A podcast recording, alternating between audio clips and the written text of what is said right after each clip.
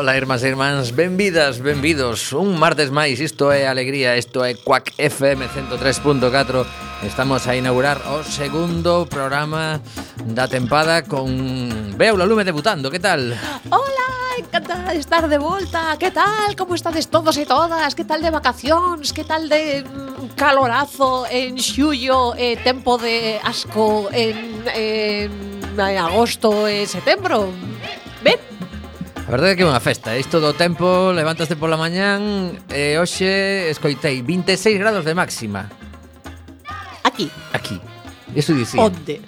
Pois será aí nun aí se te metes no dique de abrigo, que pega moito ali. Increíble. Vai acumulando, eso dixeron. Ajá, bueno, Son vale. cousas curiosas. Hoxe non temos aí Salema porque non está na cidade, pero mandamos un bico tamén, como é habitual para completar o programa terán que pasar seis ou sete semanas, porque despois marchades vos sí. agora, o sea que isto isto vai ser tremendo, pero bueno. Mr. Bugalú está nos mandos técnicos, voulle sacar unha foto despois vais flipar, porque ese on air e Mariano detrás impresiona, eh. Yeah. Que tal?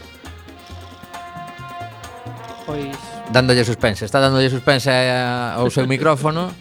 Fai así que, que toca os botóns en plan interesante Bueno, eu teño que dicir, mentras Mariano se organiza consigo mesmo Que estou moi emocionado porque a pasada semana eh, Os que estiveron o, escoitando o programa Acabo de quedarme eu sin voz Eu estou, vale, vale eh, Estaba eu preocupado polo modificativo de crédito Porque tiveramos no Concello Ajá, o, certo. o segundo pleno eh, bueno, perdón, o pleno correspondente ao mes de setembro e non se levou ese asunto Ajá. e hoxe mesmo acabo de ler no acabo de ler no xornal La Opinión que efectivamente xa está arranxado.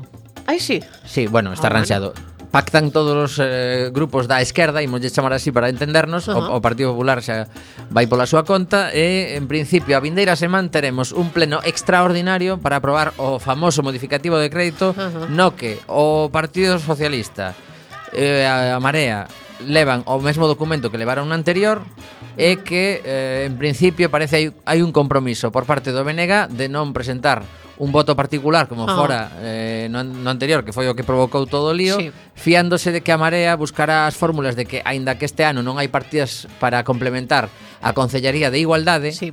vanse buscar fórmulas colaborando con outras concellerías para que os cartos si se que apliquen. Que é o que están facendo agora mesmo, de feito, porque senón co que tiñan non podían traballar. Porque non existía. Entón, en principio, isto é o que conta hoxe a opinión, imos ah. tocar madeira porque de verdade que é un tema que xa empeza a ser preocupante. Sí, moito e a ver se na terceira vai a vencida. En este pleno extraordinario non sei se dá pé a máis asuntos e incluso a intervención de cidadáns pero isto foi nova de hai un ratiño que a descubrín porque comprei o xornal de hoxe e non viña. Ajá. polo tanto foi seguramente sí, de, de, ao longo desta moi, mañá. moi de última hora, claro. Sí, sí, tamén hoxe había unha convocatoria importante no edificio Proa porque era a, a causa contra Nicanor Acosta que xa ten 76 anos se leva moitísimos loitando polos dereitos da cidadanía. En este caso se lle pedía unha multa de 600 euros por mm, paralizar, eh, eh, non sei se o termo exactamente era... Mm, eh, como alporizar as masas contra a policía no desofizamento de Aurelia Rey eh, que xa foi en febreiro de 2013 xa daban máis de dous anos e medio daquela sí. Eh, sí, por animar a, a desórdenes públicos sí. Ajá está baixísimo isto, que vozarrón ten o Cid Castro. Eh. Buah. bueno, pois eso, a animar a desórdenes públicos. Eh, é un pouco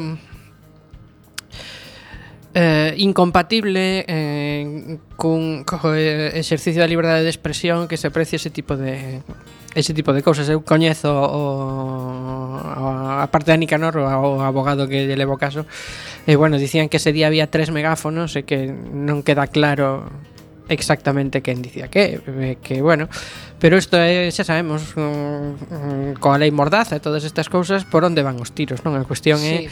é eliminar todo tipo de discurso mm, diferente, e, e, e que sobre todo de discurso que se opoña a Ao que xa sabemos a que tipo de intereses, non? Entón, bueno. Falaremos despois da canción coa que imos comezar o programa das eh, novas que chegan dende Bruselas con respecto a esa mm, proposta de orzamentos eh, imos de chamar fantasiosos de cara a 2016 que ten presentado o Partido Popular que xa está en, en fase de tramitación pero será despois de escoitar ao noso amigo Paul Weller que é bo rapaz e di come on, let's go pois iso imos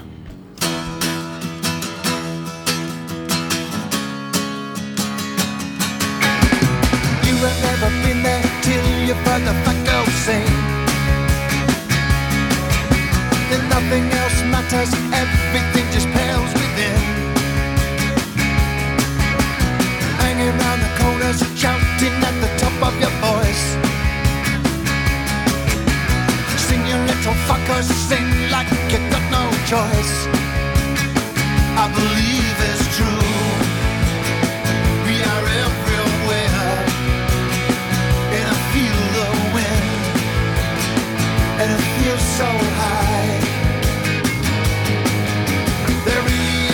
much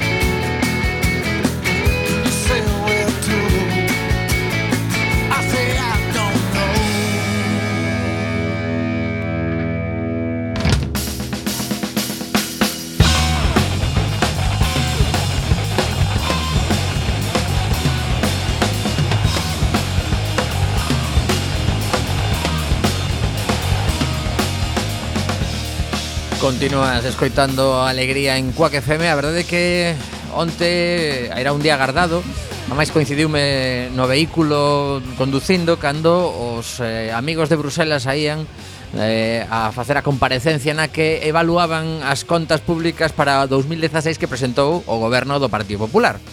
A mí faime moitísima graza este tema, porque xa a pasada semana houbo un comisario que é socialista que dixo que estas contas, eh, polo que él estaba vendo así por riba, pintaban fatal. Xa se lle votaron todos en riba dicindo que era electoralista, que como era un socialista, estaba votando por fora, saíron outros a dicir quieto, quieto, rapaz, que aínda non toca falar diso, e eh, entón dixo, vale, pois me calo. E onte o único que fixeron foi ratificar as palabras eh, premonitorias deste home oh. e despois dos análise da análise perma, per, pormenorizada, perdón, das contas, pois sae que non, non é posible o que plantexa o goberno para manter eh, o compromiso de déficit que deberíamos ter cumplido. Xa levamos varios anos incumplindo e eh, todo isto eh, eu me pregunto exactamente.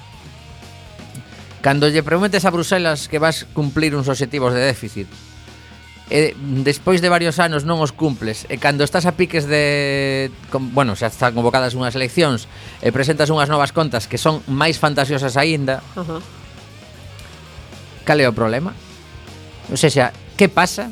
porque se eu lle digo a Jacobo o rapaz co que convivo Jacobo, mira mm, ou deixas de xogar a play ou deixas de xogar a play E me di el, vale, vale, ti tranquilo, que eu deixo de xogar a Play. Sí. E sigue xogando a Play. Pois isto é o que pasa. Mira, somos Bruselas, eh, esas contas non vai non ides cumplir o obxectivo de déficit. Pero, vale, vale, vale, vale. Que sí, que xa, sí, que xa pandara... luego, luego xa Exacto. Iso. Se, me, se iso. Bube, me colles agora calcetando aquí e vai vir o inverno e, e non chego, eh, co, ca bufanda. É maravilloso. Sí, calcetando unhas preeleccións que, claro, hai que quedar ben. Eu son político, estou moi contento con todas estas cousas porque de cara aos medios de comunicación saen uns tipos super serios e, e, e finalmente a conclusión que sacamos aos cidadáns é nalgún momento nos van a meter outro sachazo. que foi eh, o que sucedeu o, o primeiro ano destes super recortes que chegaron 10.000 millóns menos a educación e sanidade. Ajá. Eso foi así basicamente un resumo. E agora o que están plantexando os analistas, eu estive lendo bastante ao respecto hoxe, porque porque xa vende dos días atrás este tema do, dos orzamentos, eh, basicamente o problema é que a Seguridade Social está moi lonxe de acadar os resultados de ingresos que estaban previstos Óptimos, sí. porque eh, moitísimo traballo do que se crea, eses que nos contan que hai millóns de contratos que se firman todos os meses, etc, etc, son contratos tan pequenos e por tan sí. escaso valor que iso eh, traducido en ingresos para a Seguridade Social é moito menos do agardado. Efectivamente. Entón, eh, o problema básico ven por aí. Entón, o que, o, o que lles din dende Bruselas é ou incrementamos impostos para que suban os ingresos uh -huh. ou reducimos gastos de algún sitio. Uh -huh. Senón, as cifras non, non cadran, pero o goberno polo que estamos lendo o que plantexa é, vale, xa o vindeiro ano o que lle, o que lle toque gobernar xa terá que apañarse coas sí. novas contas e co apretón dende Bruselas. Pero Bruselas tamén ten outro problema maior, é que que eh, as contas do ano que ven eh, tampouco tampouco lles dan. ah, no, no, como, esta, esta, como... estas que están valorando son as de 2016, claro, o orzamento de 2016. Claro, sí, pero quero dicir que non, salimos acumulados. Non, eh. non, non, non so que non é que non lle dea a, a, a, a sume a resta, que non lle dá o cadro macro. A ver, para, para explicar un pouco como se fan os orzamentos. Os orzamentos fanse en base a unhas expectativas mm, económicas. Ben, o goberno di que imos crecer unha barbaridade e Bruxelas non o ve nada claro, pero non o ve Bruxelas, nin o ve o, Mundo Monetario, o Fondo Monetario Internacional, nin o ven un montón de institucións, non? Non ven que vayamos mm. medrar a ese, a ese ritmo, pero o goberno di que sí. Todo isto ten que ver tamén co feito de que se adiantase o debate de eh, eh aprobación dos orzamentos porque isto faise precisamente para um, digamos eh, xa para condicionar o, o goberno entrante, non? Eh, ti estás facendo un debate de ti convocas unhas eleccións en decembro que A mí me parece unha decisión bastante cuestionable. É a primeira vez na historia da nosa, da nosa democracia que se meten unhas eleccións tan tan a, a finais de ano, porque para o, o funcionamento ordinario do exercicio é bastante mm, desafortunado, non? Igual que xa, a ver, xa é desafortunado que coincidan no mesmo ano unhas eleccións eh, locais, autonómicas, eh, xerais e que non se concentren nunha mesma data, eh, pois canto máis eh, é un un gasto elevadísimo. Mm, claro, multiplicar. Terrible, claro. Mm, entón, eh, bueno, o que pasa é que aquí todo o mundo está eh, ao que está. E o que está non é precisamente o ben común, o que está é eh, que vai pasar co meu cu, porque ademais, tal e como se aventuran as eleccións, eh, pois o panorama uh, semella que um, vai sufrir un cambio drástico e imos voltar a un escenario como non se vira antes do, do ano 82. Traio as enquisas que saíron onte en Metroscopia mm. e a que a raíz desa enquisa de Metroscopia lanzou Podemos entre os seus afiliados porque eles xa tiñan dende días antes das eleccións catalanas. Tiñan outro inquérito a marxe antes das eleccións catalanas. Sí. Claro, é que mm, a ver, Mm, Hai moita festa aquí, eh? Sí, claro. Uh, a miña opinión persoal é que eh, as eleccións catalanas non son inocuas ao nivel de a nivel de cómputo electoral despois. Hai xente que, que sobre todo ademais con nivel de exposición mediática que teñen as cousas, pois eh, hai persoas que se van sentir moi influídas polo sentido do voto das eleccións catalanas e, e claro, a, a Podemos evidentemente lle interesa bastante eh, Eh, facer ver o resultado pre-eleccións catalanas igual que a todos os demais les interesa o post-eleccións catalanas. Bueno, a todos menos ao Partido Popular, que tampouco... Ao Partido Popular tallo mesmo porque basicamente eh, eh, son igual de malas as... Pres... No, no, no, no. Sorpresa. Sorpresa... Absoluta. Pero serán bastante malas en calquera caso. Pois eh, agarda un segundiño porque o mellor levas tanta sorpresa como le veía No, Non, bueno, a ver, en quizá de Podemos dirá que, que di que dan un bo resultado para o Partido Popular, pero o, se complementas os datos de intención de voto co de valoración de líderes políticos, por exemplo, Ves que eh, bueno, Mariano Rajoy está moi baixo mínimo, sei que pero igual, moito no os voto. votantes do Partido Popular dalles igual que este Mariano Rajoy que este la gallina caponata. Non, Vanlle votar igual. Non, porque precisamente aí está o, o tema catalán, o tema de Cataluña, é que agora hai un novo actor nese nicho electoral. Pero é un liderado novo que curiosamente é o máis valorado agora mesmo. Sí, curiosamente eh, eu xa comentei estes días para os que me leen por redes sociais que a A cousa bonita, a cousa bonita que hai que desmenuzar a partir de agora é cando empecemos a descubrir as listas provinciais de ciudadanos.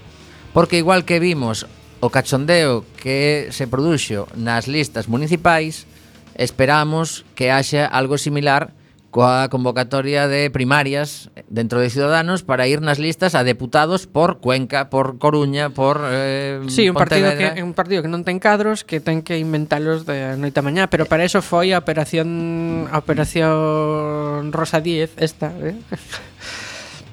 antes das antes das municipais, non? Tamén para dotarse de cadros de cara de cara a xerais. Outra cousa é que... Sí, pero as previsións, precisamente, por poñer un exemplo, nas municipais da Coruña, a raíz da popularidade de Albert Rivera, eran relativamente boas para o partido, e cando empezamos a coñecer aos candidatos na cidade, a xente dixo, ui, casi mellor que vou a votar outra cousa. Uh -huh.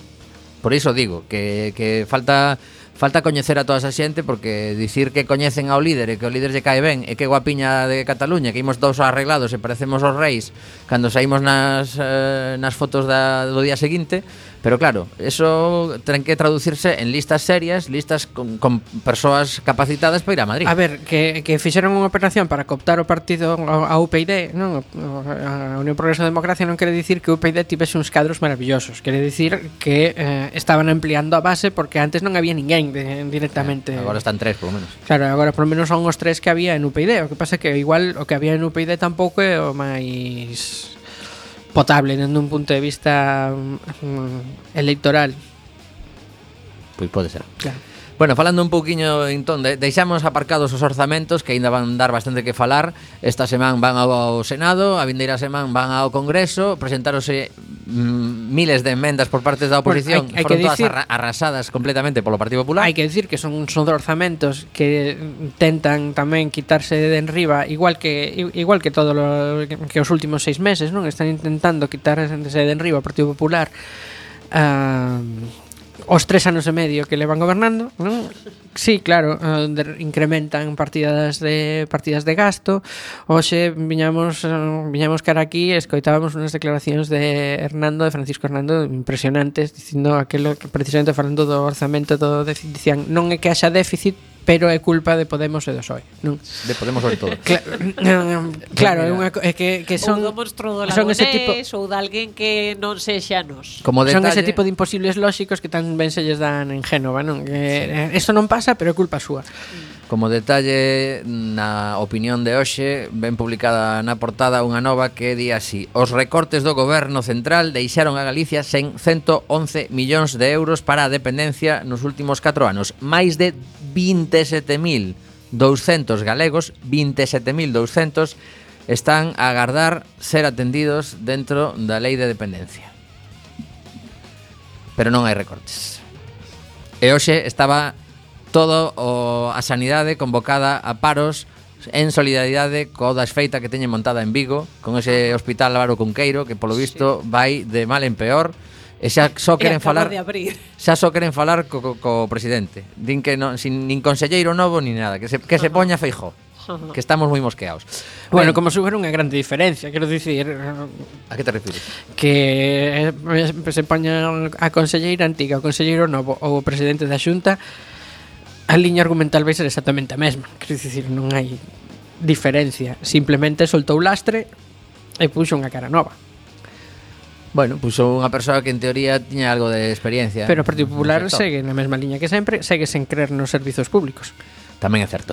Ben, pois falamos entón brevemente das enquisas que aparecía onte no diario El País, de Metroscopia, eh, chamame a atención o dato que o teño por aquí que eh, foi realizada espera un segundo porque quero dar o dato correcto entre 1200 chamadas, vale? A empresa a Metroscopia chamou a 1200 persoas de toda España para facer este eh, enquérito que se xa representativo, non sei se si, si a ver, se pode proporciona, considerar. proporcionalmente podemos facer un cálculo. En España hai 50 provincias. Sí. 1200 más, persoas. Más as dúas eh, cidades. Eh, me, claro, 1200 persoas entre 50 que pois xa non é que sai un número moi elevado. Eh, en proporción á poboación, moitos deles son de Madrid, Barcelona eh, e as grandes cidades. Uh, bueno, eu Una sobre todo nun, eh, nun, nun panorama que, que se, semella que vai ser tan volátil Como foi xa o das municipais, non? E que se semella ser igualmente volátil nas para xerais, eu me tomaría todos os inquéritos que saian daqui aló con moita precaución. Eu propoño unha, unha festa pequeniña que sexa eh, os que estades O que acerte é un fenómeno, eh, porque oh, é moi difícil. Non, non, porque acertar por acertar. Os que estades na casa, pensemos en profesións que non teñen ningún tipo de consecuencia os erros. A, os, das enquisas, os, os das enquisas Os árbitros de fútbol Os das, en, home, os árbitros de fútbol, si, sí, home, que algunha vez andan correndo detrás deles os, os que fan as enquisas Porque fallan como escopetas de feria E eh, eh, aos poucos meses xa os están contratando outra vez Despois temos aos políticos Que algún sí que lle repercute, pero pouco E temos aos economistas que como un din unha cousa e outros outra, o que acerta acertou, pero é un pouco chiripa. E podemos seguir pensando máis profesións. Pero bueno, o que ia comentar. En principio, Dende as eleccións xerais, que isto é bastante espectacular, dende as eleccións xerais de 2011, o Partido Popular baixa de 44,6% de votos, que eso foi unha barbaridade increíble, mm. a o 23,4%. Wow. Pois sí. Que sucede co Partido Socialista? Acadou un 28,7% e baixe agora ao 23,5%, pero adianta por unha décima ao Partido Popular. Isto estamos falando da enquisa de El País vale? Ajá. Despois, eh, que pasa con Ciudadanos? non se conta dende as eleccións anteriores porque non estaban a nivel nacional, pero contado dende xaneiro deste ano pasa dunha intención de voto do 8,1% a un 21,5%. Sí. Segundo esta enquisa sí, que pegou un subidón nos últimos sí, sí, días sí, de outubro. Tremendo. Vale, isto foi espectacular. Tamén é certo que en abril antes das eh, antes das eh, autonómicas eh, das municipais chegou a ter 19,4 mm. caendo despois a un 13 e despois agora 21,5 que é o seu récord absoluto. Podemos, Podemos aparece nas enquisas dende agosto de 2014 mm. e vai pegando fluctuacións, chegou a ter un 27,7% segundo Metroscopia. Eh, perdón, un 28,2 foi o máximo resultado. Nese momento arrasaba porque o Partido Popular acadaba só un 19,2% dos votos, cosa que non me creo e o Partido Socialista tiña nese momento un 23,5. Isto era en eh, exactamente xaneiro deste ano.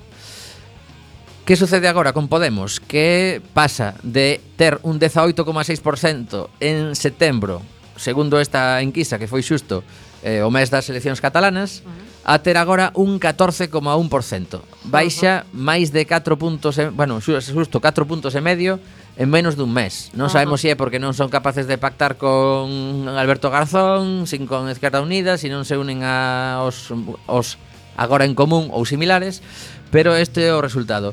E Esquerda Unida, para rematar uh, o repaso, dicir que comezou nas eleccións xerais de 2011 con 6,9 e que nesta enquisa en concreto danlle un 5,6. A min non me dan A min non me dan as A min non me dan as contas, quero dicir, uh... En que sentido? Agora comentamos un pouquiño as claro, que ten, as que ten Podemos, eh. No sentido de que de que o baixón que se que se lle atribúe a, a Podemos non non vai a ningures. Quero dicir, é un trasvase é un trasvase un pouco raro. Sí, home, vai vai a Ciudadanos. Vai a Ciudadanos. Por eso digo que un traspase un pouco raro. Para min moi raro, de feito. Home, é xente que o mellor non ten moito criterio. Ah, Evidentemente E se apunta a cabalo gañador. Evidentemente Evidentemente sería xente que non ten criterio Que se apunta a cabalo ganador. Eh, eh, e que pasa? Que logo pola experiencia do exercicio de voto Non é tan frecuente iso. Logo, eh, realmente que a xente cando vota non, non non vota dese, de, desa maneira. Home, non mm. empezaron aínda as promesas electorais. Eh... eh mm, sí, pero ese, ese pero estraname temos... moito un, eh. esa, esa fluctuación tan tan brusca. Igual que me estranaba moitísimo uh, o, o 28% de, de voto de Xaneiro. Tampouco me parecía real. No. Quero dicir, aquí o o que vexo é unha manobra uh, importante de, de xerar tamén en torno a Podemos un efecto desplome.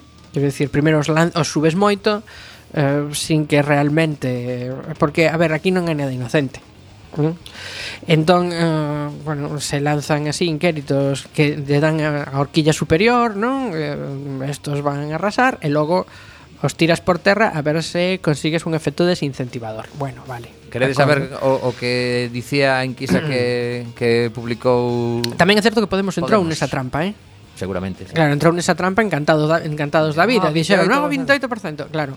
Cando interesa, ven, ese non. É posible que eh, eh, ese, eses resultados e esa política condicionara e non para ben a estrategia política do propio Podemos que podría ser un segundo un segundo sí. obxectivo tamén. me, o mellor se despistaron, se creíron aí os sí, por un lado desmobilizas a, a, o eleitorado de Podemos e por outro lado faz que a xente de Podemos se sinta como máis importante do que Mira, mira, mira o que pon aquí o país, 28,2. Dos datos que o respaldan, entón eh, adopta posicións negociadoras máis duras uh -huh. en determinados procesos. Pode ser, é eh, un análise completamente particular. Ben, pois imos eh, rapidamente co repaso do que dicía esta enquisa que vos comento de Podemos encargada en setembro, días antes das eleccións catalanas. Eh, triple empate, con Partido Socialista e Ciudadanos entre o 19 e o 18% para os tres, que estarían equilibrados. E, segundo esa mesma enquisa, o Partido Popular volvería a gañar as eleccións co 27 ata o 29% dos votos. Polo tanto, sacaríalles 10 puntos aos tres competidores. Isto non sei se si nos leva a que teñan que facer un casi tripartito estes tres ou, ou nos dá a tolemia a todos. Non din como se traduciría en escaños. Non, non, non porque non, non publica a enquisa. Uh -huh. O sea, polo visto foi enviada aos seus eh, afiliados, pero seguramente o mellor pois un pouco cociñada, non sei, porque como non, isto é del Confidencial. É nova de onte del Confidencial eh, comenta que, por exemplo, eh, respecto á situación económica do país, o 51% das persoas ás que se chamou sinala que España segue igual, mentras que un 57% afirma que España aínda non saiu da crise. Eh, despois dicir que mm, mm, mm un pouquiño máis adiante, aparecen novas relacionadas co tema este. Echenique estuvo bastante simpático falando da enquisa de, del país, pero basicamente eh, o resumo final é que o 19% dos votantes aínda non sabe, aínda non sabe a quen votará e que esta enquisa fíxose a través de 1738 chamadas. Chamaron 538 persoas máis que o país a mí mereceme un crédito similar, se me parecendo bastante raro.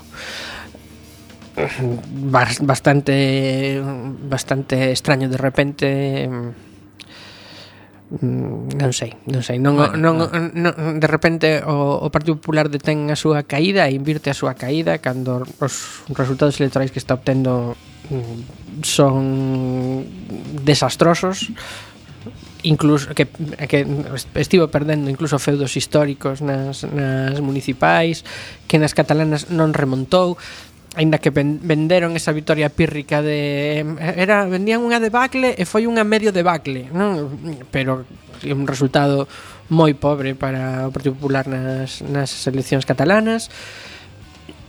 Eu non non o vexo tan forte e penso que eh, sobre todo o factor candidato a mí me parece moi importante aí e, e penso que, que o factor candidato para o Partido Popular é tremendamente negativo e vai ser máis negativo cada vez porque nunhas eleccións xerais o candidato vai gañando protagonismo a, a medida que vai avanzando a campaña uh -huh. eh, eh mm, e se centra a campaña sobre todo nese, nese persoeiro non? Eu penso que aí o Partido Popular ten moito moito que perder porque eh, a xente focaliza moito en Mariano Rajoy mm, pois todos estes anos de, de crise e sobre todo tamén eh, lembra claramente a Mariano Rajoy pro, prometendo cousas en campaña electoral que logo incumpriu sistematicamente, non? Entón Mm, bueno, eu penso que é moi cedo aínda e que é unha cousa similar ao que dicíamos antes das municipais, non? Que que o asunto está tremendamente volátil, que Uma, que hai unha... moitas cousas novas de, exemplo, de vez. Este domingo vai ser unha unha cousa interesante de ver Salvados. Non sei se si sabedes que van debatir en directo Pablo Iglesias e Albert Rivera, frente a frente. Interésalles moito os dous. Claro, é unha cousa que, que lles ven francamente ben os dous. Claro, mm, hai que verlo tamén nese, neses, nes, Pero o goberno vai facendo as súas xogadas Porque, por exemplo eh... Sí, sí, pero por exemplo, unha cousa que non imos ver É a Marino Rajoy eh, enfrontándose en un debate Nin a dous, nin a tres, nin a catro. Eu non o vexo. Seguramente non, pero o que o que ia comentar é que temos eh, novas moi interesantes hoxe con respecto á concentración dos novos can canles de TDT que lles dan a 3 Media e a Mediaset, mm. que é unha barbaridade de concentración de medios para esos dous, que se levan o 90% da publicidade do país a nivel televisión, e esa xogada que vimos o pasado Benres co tema do, do favor que lle fai o goberno ás empresas eléctricas. E iso, seguramente, pois chegarán os cartos a través da Fundación FAES e xa se distribuirán por aí. Pero bueno, deixamos por hoxe o tema político a nivel nacional porque falaremos moito nos vindeiros meses. Imos escoitar unha canción que precisamente se titula Another Day, que me parece boísima, de Juani Junior, e a volta chamamos por teléfono a unha persoa que nos vai falar dunha convocatoria que hai o vindeiro domingo 18 na Praza de María Pita.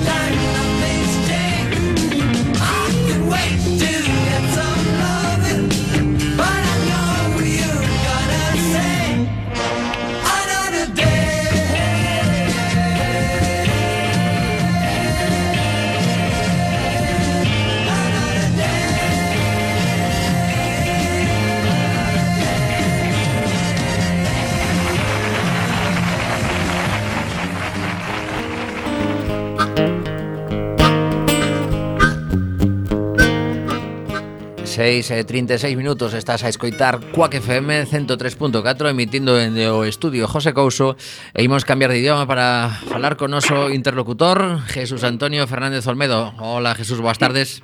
Buenas tardes, ¿qué tal? ¿Cómo estamos? Pues nosotros muy bien y supongo que tú ya preparando esta convocatoria que nos, nos Sí. ha llegado a través de, de los correos eh, de Cuac FM y, y nos vas a explicar qué es esto del baile por la paz y la no violencia.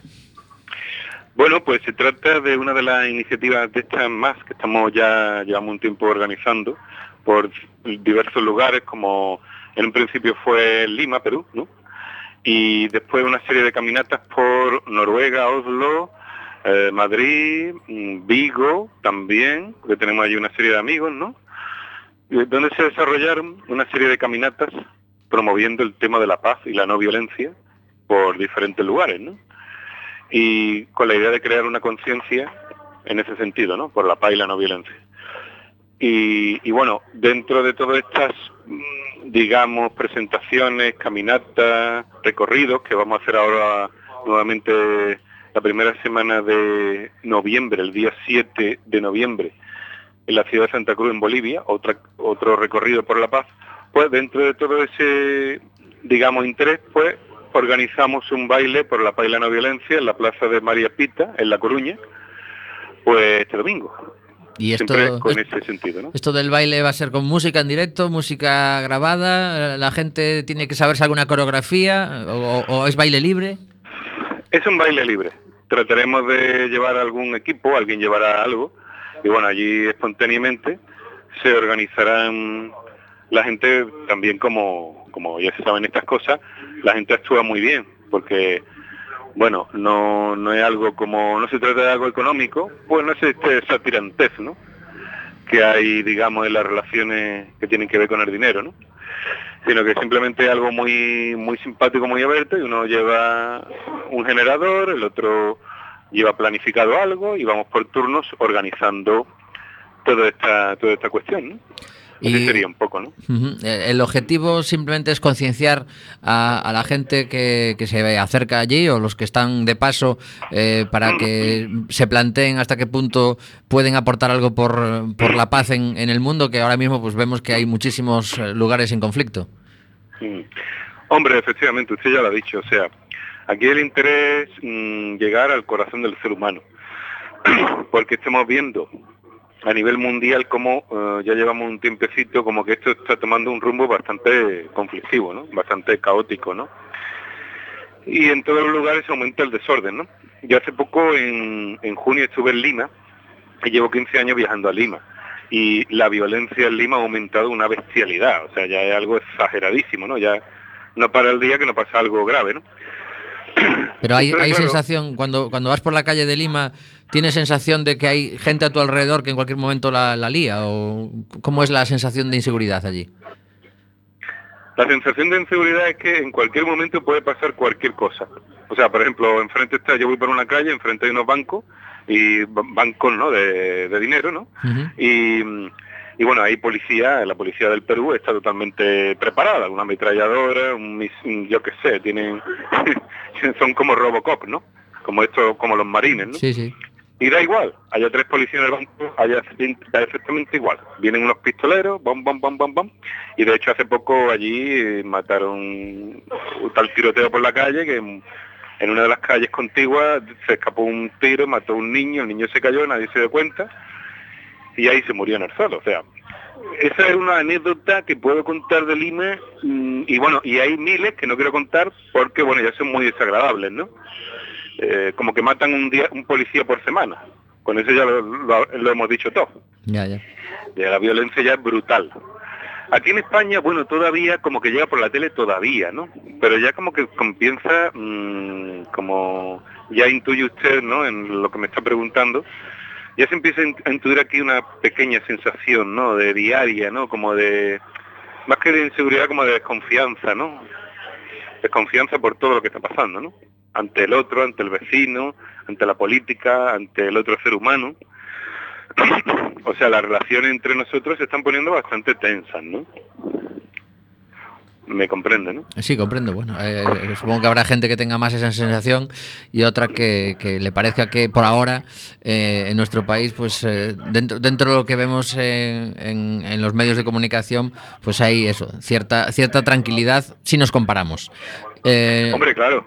e- evidentemente, Eso sí, evidentemente. eh, esta- estas convocatorias que nos comentabas que en, en otros sitios se hacen caminatas, eh, ¿por qué en la ciudad, que tenemos un, un paseo marítimo para, para andar mucho, habéis decidido hacer un, un baile en la, en la Plaza María Pita?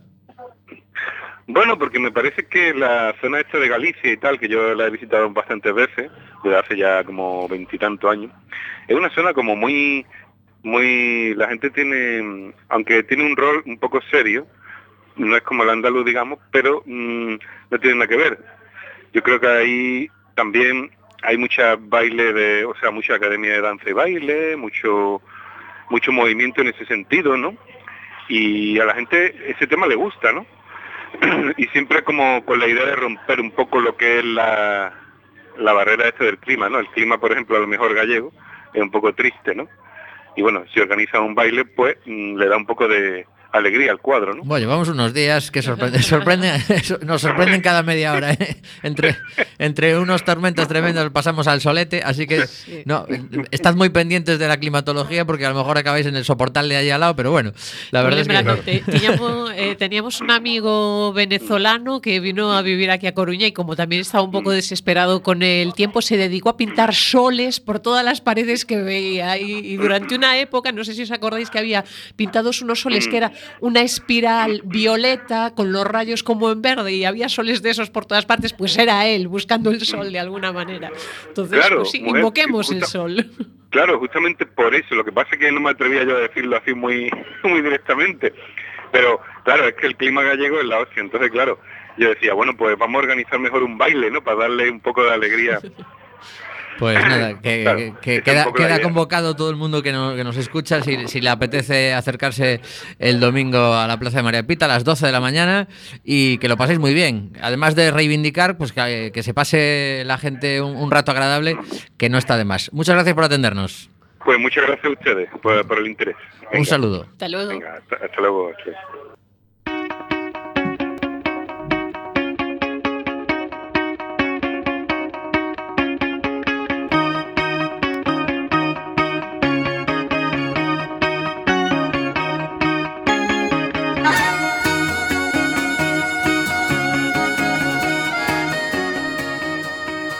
Continuamos en Cuac FM 103.4 no teu dial Estás escoitando Alegría. Son as 6.43 minutos da tarde de hoxe martes e 13 e Se non é martes e 13 e non é esta hora É que xa sabes, nos escoitas en redifusión. Chegamos ao apartado da Econova E mm, claro, teño un montón de Econovas que se me foron xuntando do, do verán. E hoxe vou facer así un max mix de tres así rapidiño Conto Sabos que España é un referente en asfaltos mellorados con po de neumático.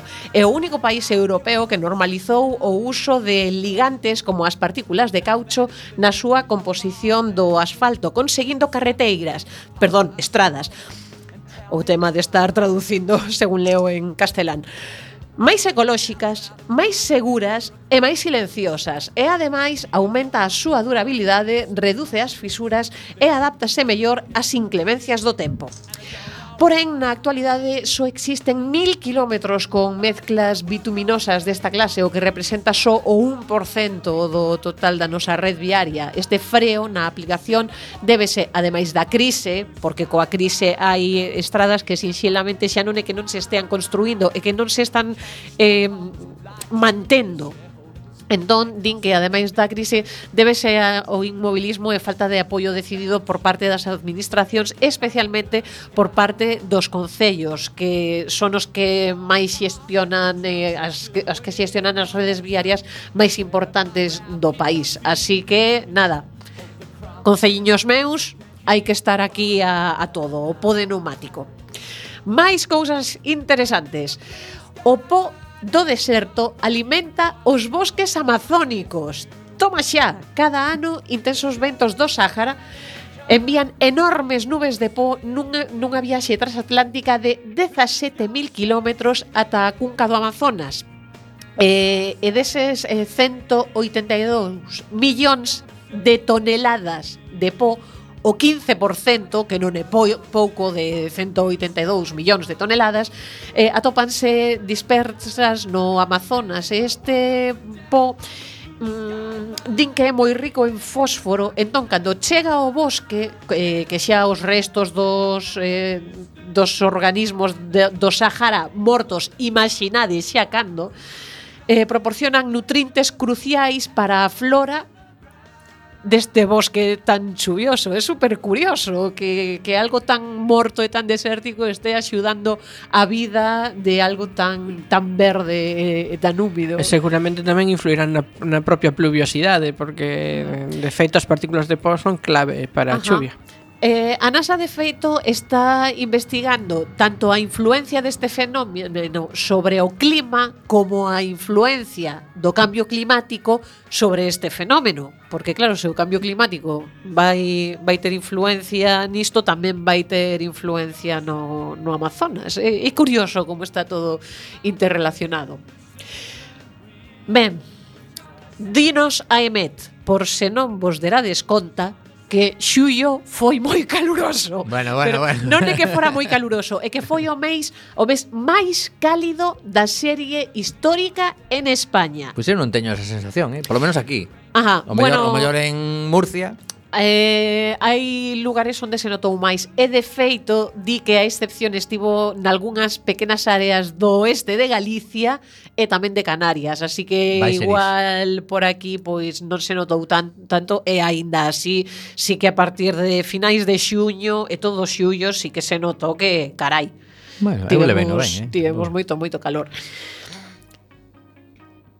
E imos xa coa noticia longa, porque Greenpeace acaba de publicar unha guía que pareceume interesantísima. Chámase a Guía do Atún 2015. Tamén podía ser un pouco máis cachondo, chamarlle al tuntún ou unha cousa así. Miedo, non compres atún al tuntún, non? Algo... Con empanada sí. moito mellor. Sí. Mira, claro, es que é o que te no, o atún que vai con Merca todo, ben vai bonito, empanada, cousas así. Na pizza. vai coa ensalada, vai en sándwich, vai cos espaguetis, vai con todo. E, eh, eh, claro, estámonos metendo nunha sobreexplotación que hai que empezar a ser razoables. Entón, eh, Greenpeace evaluou as 14 marcas que venden atún no noso país e o obxectivo é axudarnos a todos a que podamos facer a compra eh, dun xeito máis informado. A avaliación das marcas fíxose a partir dun cuestionario enviado ás empresas, tamén da información pública disponible e da información recabada sobre os produtos nos mesmos supermercados. Que parámetros se evaluaron? Porque xa non estamos falando de tema calidade do atún, estamos falando de cousas máis xenéricas, estamos falando de política de sostenibilidade, eh, atún sostible, socialmente xusto, eh, abastecéndose de stocks que pro, proveñan só de stocks en, en bo estado, Estado que os métodos de pesca sexan responsables, non os típicos cercos estes que apañan con, con todo que entre pa dentro e, e logo pois hai outras especies que van no medio que non se poden vender e que se tiran con eles, como tabeiróns ou incluso atuns pequenos que como non se poden vender, pois xa mortos tiran con eles e, e non estamos renovando o, o stock, así eh, hipotecase o futuro da especie. Mendas que a pesca selectiva, a cana, a liña de mano, a cacea, reduce estas capturas accidentais e ademais ofrece maiores beneficios económicos ás poblacións locais. Tamén miden, eh, eh, tamén se avalúa a especie de atún, porque dentro de atún hai atún claro, hai bonito do norte, que eses están sobreexplotados, e logo está o atún listado, que é o que se comercializa coma atún. Ese aínda non está sobreexplotado. Tamén se mide o etiquetado e a información ao consumidor, tamén o apoio público a reservas marinas e a políticas de equidade, buscando eh, pois sostenibilidade a longo plazo de poblacións de peces e de ecosistemas mariños en xeral. E tamén eh, é igualmente importante a explotación dos recursos pesqueros que sexa social e económicamente xusta cos países costeiros.